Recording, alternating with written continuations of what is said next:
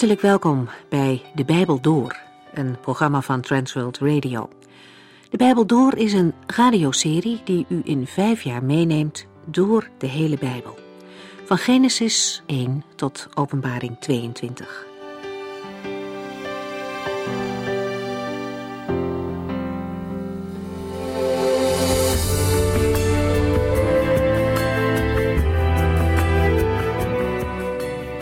Het gedeelte van de vorige keer uit Handelingen 5 begon met een moeilijke en een verdrietige gebeurtenis. Te midden van alle eenheid in de gemeente en de bereidheid om alles met elkaar te delen, kwamen Ananias en zijn vrouw Safira. Ze hadden iets verkocht en kwamen het geld aan de apostelen geven. Maar ze wilden zich beter voordoen dan ze waren en ze logen tegen Petrus. Sterker nog, ze logen dus tegen God. Ze hielden een deel van de opbrengst achter maar ze zeiden dat ze alles weggaven. En in die leugen zat het probleem. Het was niet verplicht om alles weg te geven. Maar liegen om jezelf beter voor te doen, dat hoort niet. De straf van God volgde onmiddellijk en was zwaar. Ananias en later zijn vrouw, ze vielen dood neer. In de eerste tijd van de gemeente zien we hoeveel wonderen en bijzondere dingen God doet. En toch doet dat niets af aan zijn heilige karakter. God kan de zonde niet tolereren. Het willens en wetens liegen van dit echtpaar kan niet in de gemeente gehandhaafd worden. God is waarheid. Bij hem past geen enkele leugen. Het gebeuren raakt de mensen diep. En daarna gaat het gemeenteleven verder. Er gebeuren veel wonderen en velen gaan geloven in de Heer. Ook zijn er mensen die dat niet goed durven. In Handelingen 5 lazen we ook dat de Sadduceeën jaloers waren en de apostelen gevangen zetten. En hoewel de Sadduceeën niet geloofden in het bestaan van engelen, kwam s'nachts juist een engel van de Heer om de apostelen uit de gevangenis te bevrijden. Hij gaf hen ook de opdracht om vooral te blijven getuigen van Christus. Ze moesten niet stil blijven staan of vluchten, maar de woorden van leven en van Jezus blijven doorgeven. En dat gebeurt dan ook. We lezen verder vanaf hoofdstuk 6.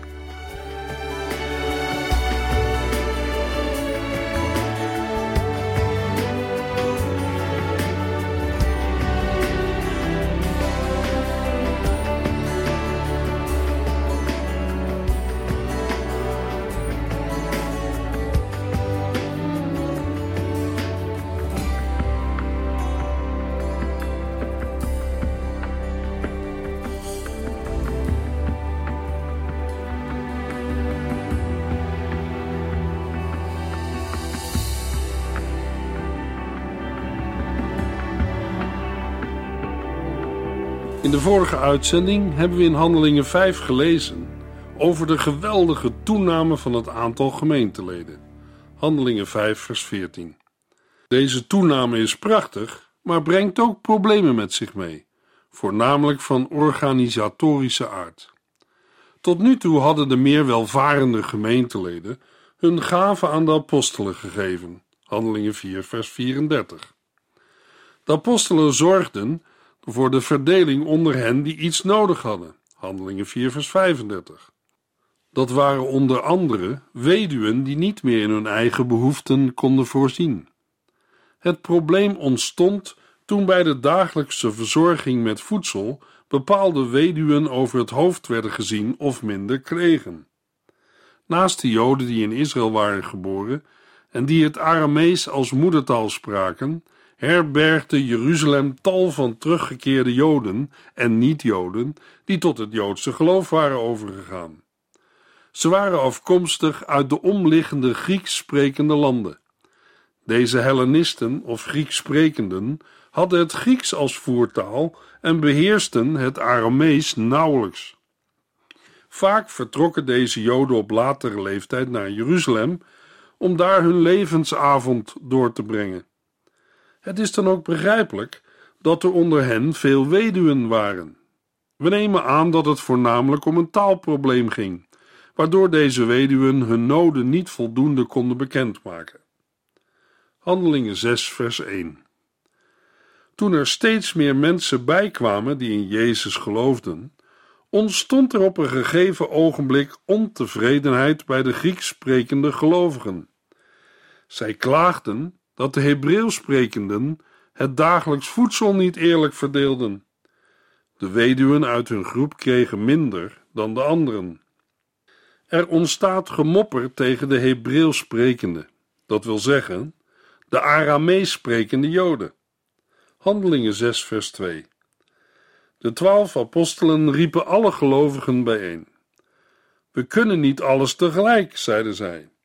Als wij het voedsel moeten uitdelen, hebben wij geen tijd meer om erop uit te gaan en Gods boodschap door te geven.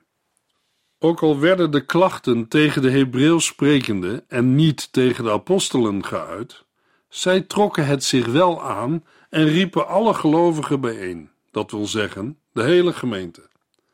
Het beviel hun niet, letterlijk, het is ons niet welgevallig, dat zij de prediking van het evangelie moesten verwaarlozen om het voedsel uit te delen.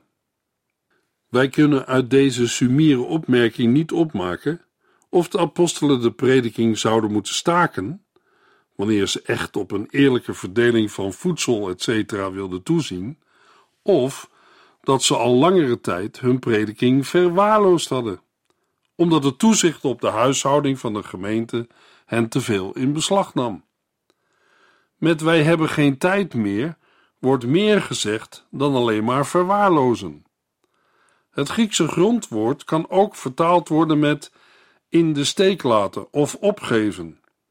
Het aantal volwassen gemeenteleden was in Handelingen 4, vers 4 al gegroeid naar 10.000 en zal ook daarna sterk zijn toegenomen. Handelingen 5, vers 14. De gelovigen hadden een vorm van gezamenlijk leven. Toen de gemeente nog niet zo groot was, hadden de apostelen er wel de handen aan vol, maar kon alles in goede orde worden geregeld en gedaan. Bij de sterke groei van de gemeente kwamen er ook problemen. We zagen dat al in de geschiedenis van Ananias en Safira. Nu zien we het in het gemopper van de Grieks sprekende tegen de Hebreeuws sprekende gemeenteleden. Dit is geen botsing tussen verschillende rassen en ook geen demonstratie van antisemitisme. Het gaat bij de Grieks sprekende om Hellenisten, Grieks sprekende Joden.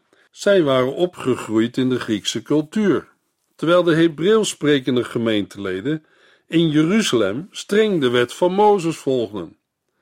Het is niet verwonderlijk dat er daardoor problemen en misverstanden ontstaan.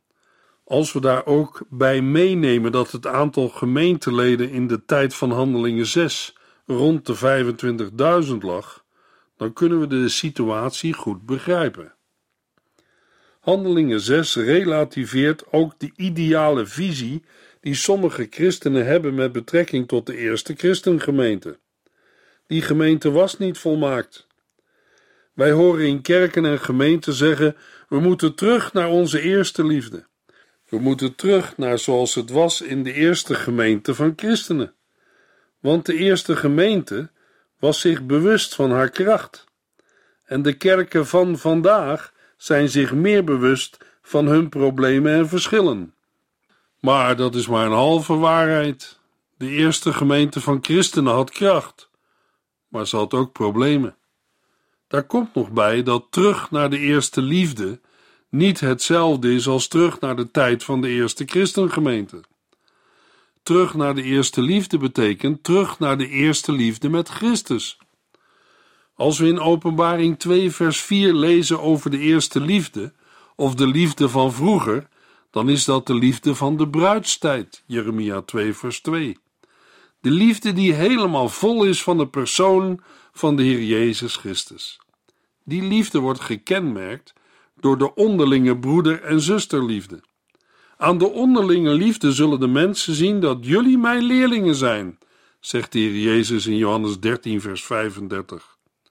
Hoewel de liefde voor God en de liefde voor elkaar niet te scheiden zijn, wordt in Openbaring 2 wel duidelijk dat de heiland in de eerste plaats de onderlinge liefde in de gemeente op het oog heeft. Strijdpunten leiden vaak tot scheuringen, handelingen 20.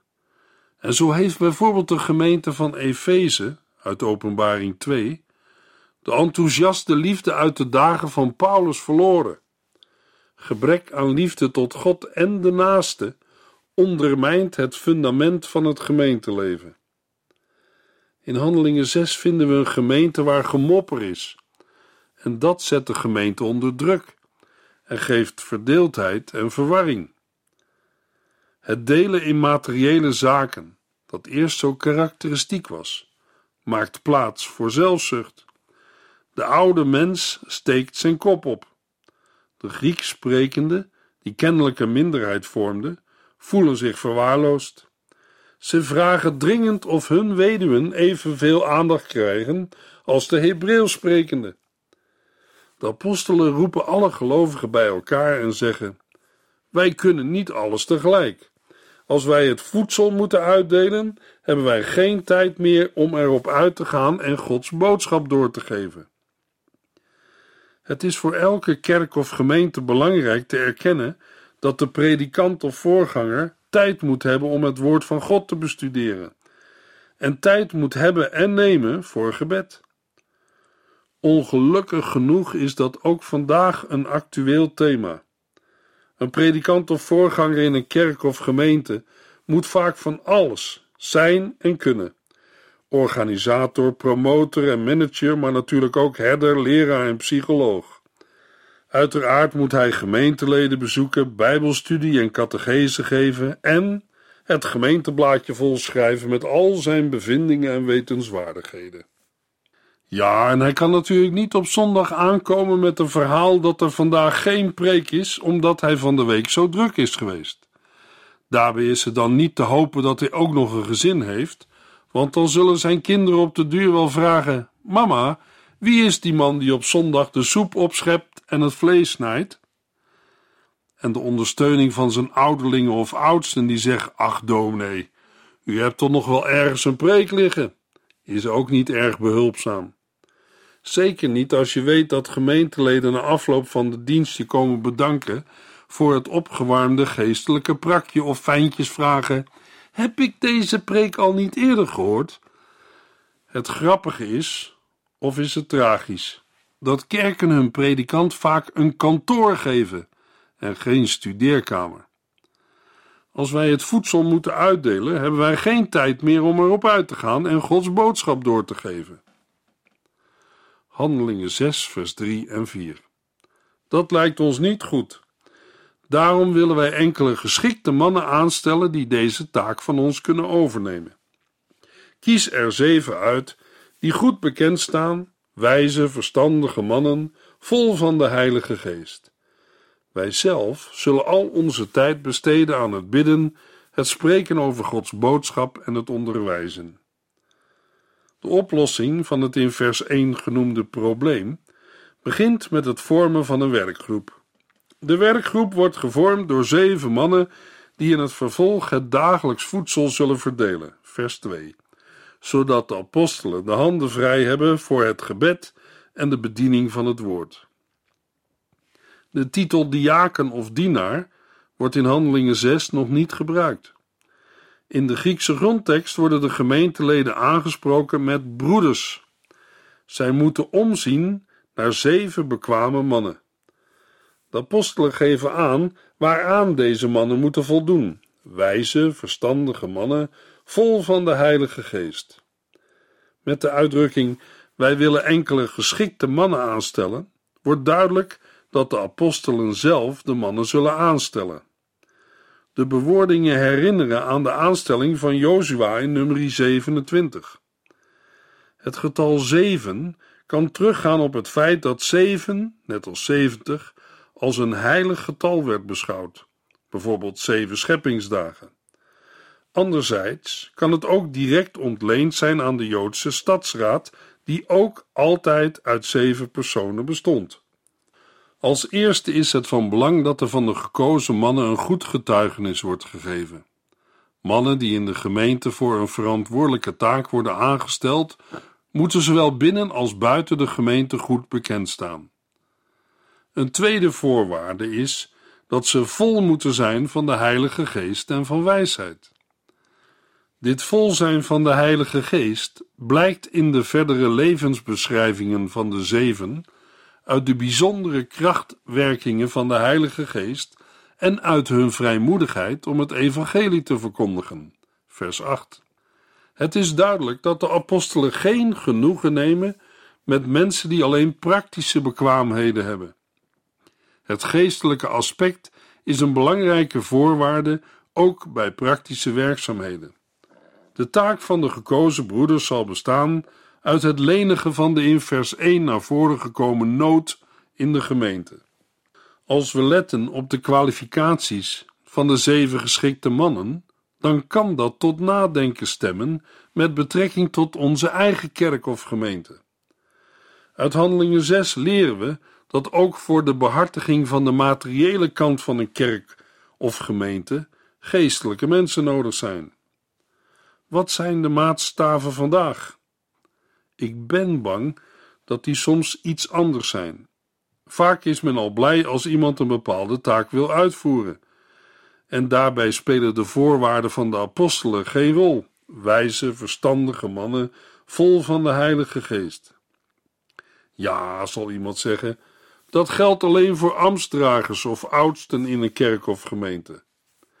Ik vraag me af of dat zo is. De gekozen mannen moesten goed bekend staan, eerlijk, oprecht en wijs. Moeten het dan mensen zijn die nooit problemen hebben? Niet in hun persoonlijk leven, niet op het werk, niet in hun gezin en in de buurt en ook niet in hun huwelijk? Nee, dat staat nergens in de Bijbel. Het gaat er wel om dat deze geschikte mannen met al de genoemde situaties op een geestelijke wijze omgaan. Dat zij luisteren, spreken en handelen vol van de Heilige Geest. Niet vol van de wijn, zoals Efeze 5 vers 18 zegt. Ze moeten geestelijke mensen zijn die in staat zijn om geestelijke waarheden toe te passen. Dat is belangrijk. Juist het behartigen van materiële zaken kan al gauw een eenzijdige blik op dingen geven. Daarom is het buitengewoon belangrijk dat mensen met een taak in de gemeente met geestelijke ogen naar dingen kijken, nadenken en overeenkomstig handelen. We zullen in het vervolg zien dat Stefanus een man was die aan deze kwalificaties voldeed. Hij had wijsheid, zelfs zo dat toen men probeerde hem te overtroeven, dat niet lukte. Hij was hen veruit de baas door de grote overtuiging en scherpzinnigheid waarmee hij sprak. Dat kwam niet door Stefanus zelf, maar omdat hij vol was van de Heilige Geest en de Heilige Geest hem leidde. Vers 10. En wat moeten de apostelen dan doen? In vers 4 hebben we gelezen: Wij zelf zullen al onze tijd besteden aan het bidden, het spreken over Gods boodschap en het onderwijzen. Terwijl de nieuw gekozenen zich zullen bezighouden met het uitdelen van de eerste levensbehoeften aan hen die dat nodig hebben, zullen de apostelen al hun tijd besteden aan het gebed en de bediening van het woord. Dit laatste houdt in dat zij dienaren van het woord willen zijn, mensen die het woord van God, het evangelie, verkondigen. Voor de bediening van het woord staat het gebed. Het persoonlijk contact tussen de Heer en zijn dienstknechten in het gebed is een voorwaarde voor de juiste prediking. Het volharden in het gebed kwam al eerder aan de orde in Handelingen 1. Ook uit de brieven van de apostel Paulus blijkt dat hij een man met een intens gebedsleven was. Handelingen 6, vers 5. Zij vonden het allemaal een goed voorstel en kozen zeven man uit: Stefanus, een man vol van de Heilige Geest en met een groot geloof. Filippus, Prochorus, Nicanor, Timon, Parmenas en Nicolaus, iemand uit Antiochië, die voordat hij christen werd al tot het Joodse geloof was overgegaan. De hele gemeente stemde in met het voorstel van de apostelen, en zij kozen zeven mannen die aan de gestelde voorwaarden voldeden. De eerste is Stefanus, een man met een groot geloof en vol van de Heilige Geest. In het vervolg van Handelingen 6 en 7 komen we uitgebreid op hem terug. Daarna volgt Filippus. In Handelingen 8 gaat Lucas uitvoerig op zijn bediening in. Dat is begrijpelijk, want volgens Handelingen 21 heeft Lucas een aantal dagen bij Filippus in Caesarea gelogeerd. Van Prochorus, Nicanor, Timon en Parmenas is verder niets bekend. De laatste, Nicolaus, wordt een proseliet of jodengenoot genoemd. Hij komt uit Antiochië. Deze jodengenoten waren heidenen die volledig tot het Joodse geloof waren overgegaan. Ze hadden zich laten besnijden en hielden zich aan de hele Joodse wet. Ze werden dan ook als Jood erkend, hoewel sommige geboren Joden op hen neerkeken. Alle zeven gekozen broeders dragen Griekse namen. Daaruit maken wij op dat zij tot Grieks sprekende families behoorden.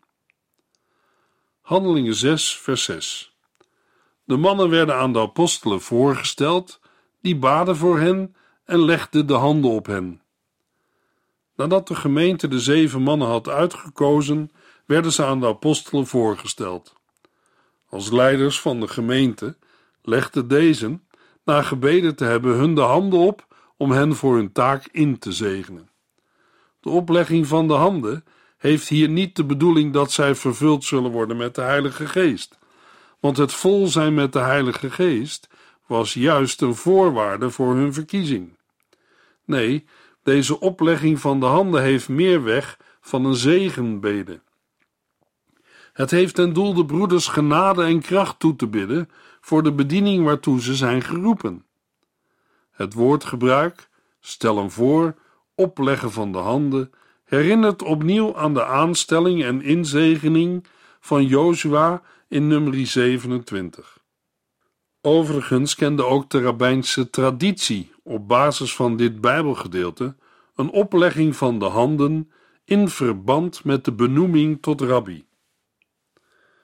Handelingen 6, vers 7. Gods boodschap kreeg steeds meer bekendheid. In Jeruzalem nam het aantal volgelingen van Jezus sterk toe. Ook veel priesters gaven gehoor aan de oproep in Jezus te gaan geloven. Nadat door het aanstellen van de zeven medewerkers de eenheid was hersteld en er geen dissonanten meer klonken, begon de gemeente nog sneller te groeien. De beeldspraak van het groeien vinden we ook in Lucas 8, de gelijkenis van de zaaier, waarbij het zaad het woord van God is dat verkondigd wordt. Met nadruk vermeldt Lucas dat ook veel priesters tot geloof in de Heer Jezus komen. In Handelingen 4 werken priesters nog mee aan de arrestatie van Petrus en Johannes. Nu komen er velen tot geloof. Overtuigd door de woorden, wonderen en tekenen van de apostelen. Dat er geen leidende priesters of overpriesters tot geloof komen, hoeft ons niet te verbazen. Ze hadden zich al te zeer verhard. Het is ook in onze tijd belangrijk dat het woord van God meer bekendheid krijgt. Dat is ook zeker het doel van de radioprogramma's van de Bijbel door. Handelingen 6, vers 8. Stefanus was vol van geloof en kracht van God. Hij deed grote wonderen en buitengewone dingen onder het volk. Tot nu toe was niet duidelijk in hoeverre ook niet-apostelen betrokken waren bij de prediking van het evangelie en het verrichten van wonderen en tekenen. Nu blijkt dat ook anderen, waaronder Stefanus, het evangelie verkondigen en ook hun woorden worden bevestigd door grote wonderen en buitengewone dingen. Dit staat natuurlijk niet los van de persoonlijke geloofsverbondenheid met de Here. Handelingen 6, vers 9 tot en met 15. Maar er waren mensen die vonden dat hij daarmee niet mocht doorgaan. Zij hoorden bij de synagoge van de zogenaamde Libertijnen uit Cyrene, Alexandrië, Cilicië en Azië. Zij begonnen met hem te discussiëren en probeerden hem te overtroeven, maar dat lukte niet.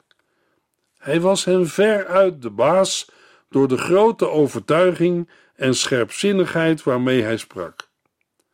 Het was duidelijk dat Gods geest hem leidde. Toen stookten zij een paar mannen op het praatje rond te strooien dat zij Stefanus slechte dingen over Mozes en God hadden horen zeggen. Daarmee zetten ze het volk, de leiders en de Bijbelgeleerden tegen hem op.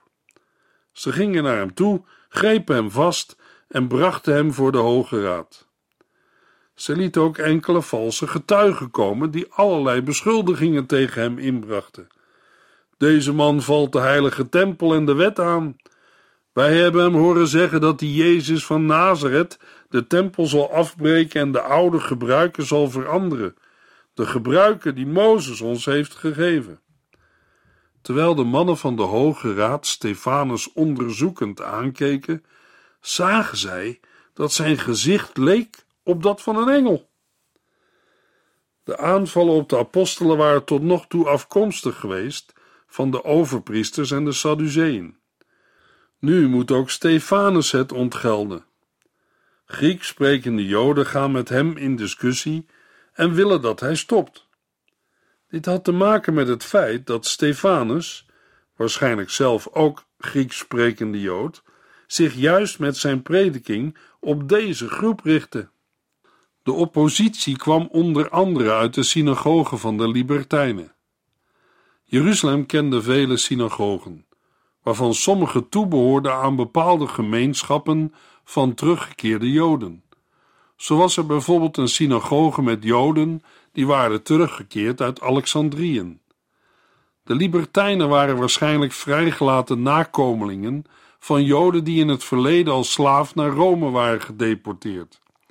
Vele van hen waren, hoewel beïnvloed door de Romeinse cultuur, naar hun vaderland teruggekeerd. Saulus was mogelijk een van degenen die met Stefanus reden twisten. Zijn geboorteplaats was Tarsus, een stad in de landstreek Cilicië, nu Zuidoost-Turkije. De rechters beseffen dat wanneer de beschuldigingen waar zijn, Stefanus zwaar gestraft moet worden. Daarom kijken ze gespannen naar hem om te horen wat hij tot zijn verdediging gaat zeggen. In plaats van een nerveuze en angstige man, zien zij een gezicht als het gezicht van een engel.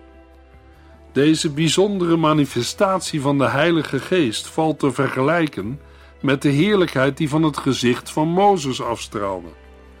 Het is duidelijk dat Stefanus op een bijzondere manier de nabijheid van de Here heeft ervaren.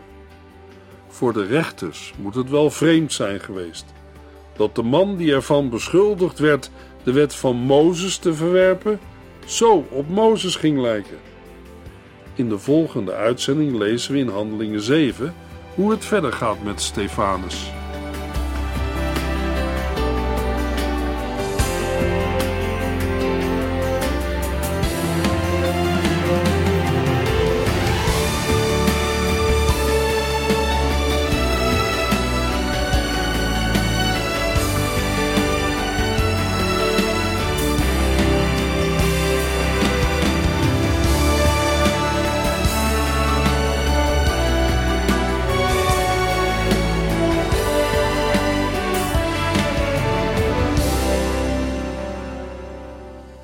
Geluisterd naar De Bijbel Door.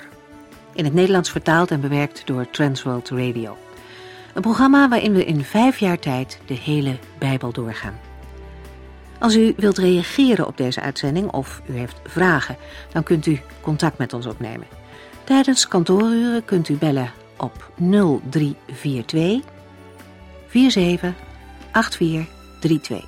0342 47 8432. 32.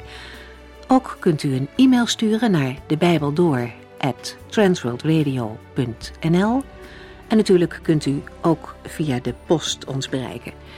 TWR, postbus 371, postcode 3770, AJ in Barneveld. Dit programma werd gepresenteerd door Cor Weda en Ike André. Techniek was in handen van Odin van Woerdekom. En wij allemaal bedanken u voor het luisteren. Graag tot de volgende keer.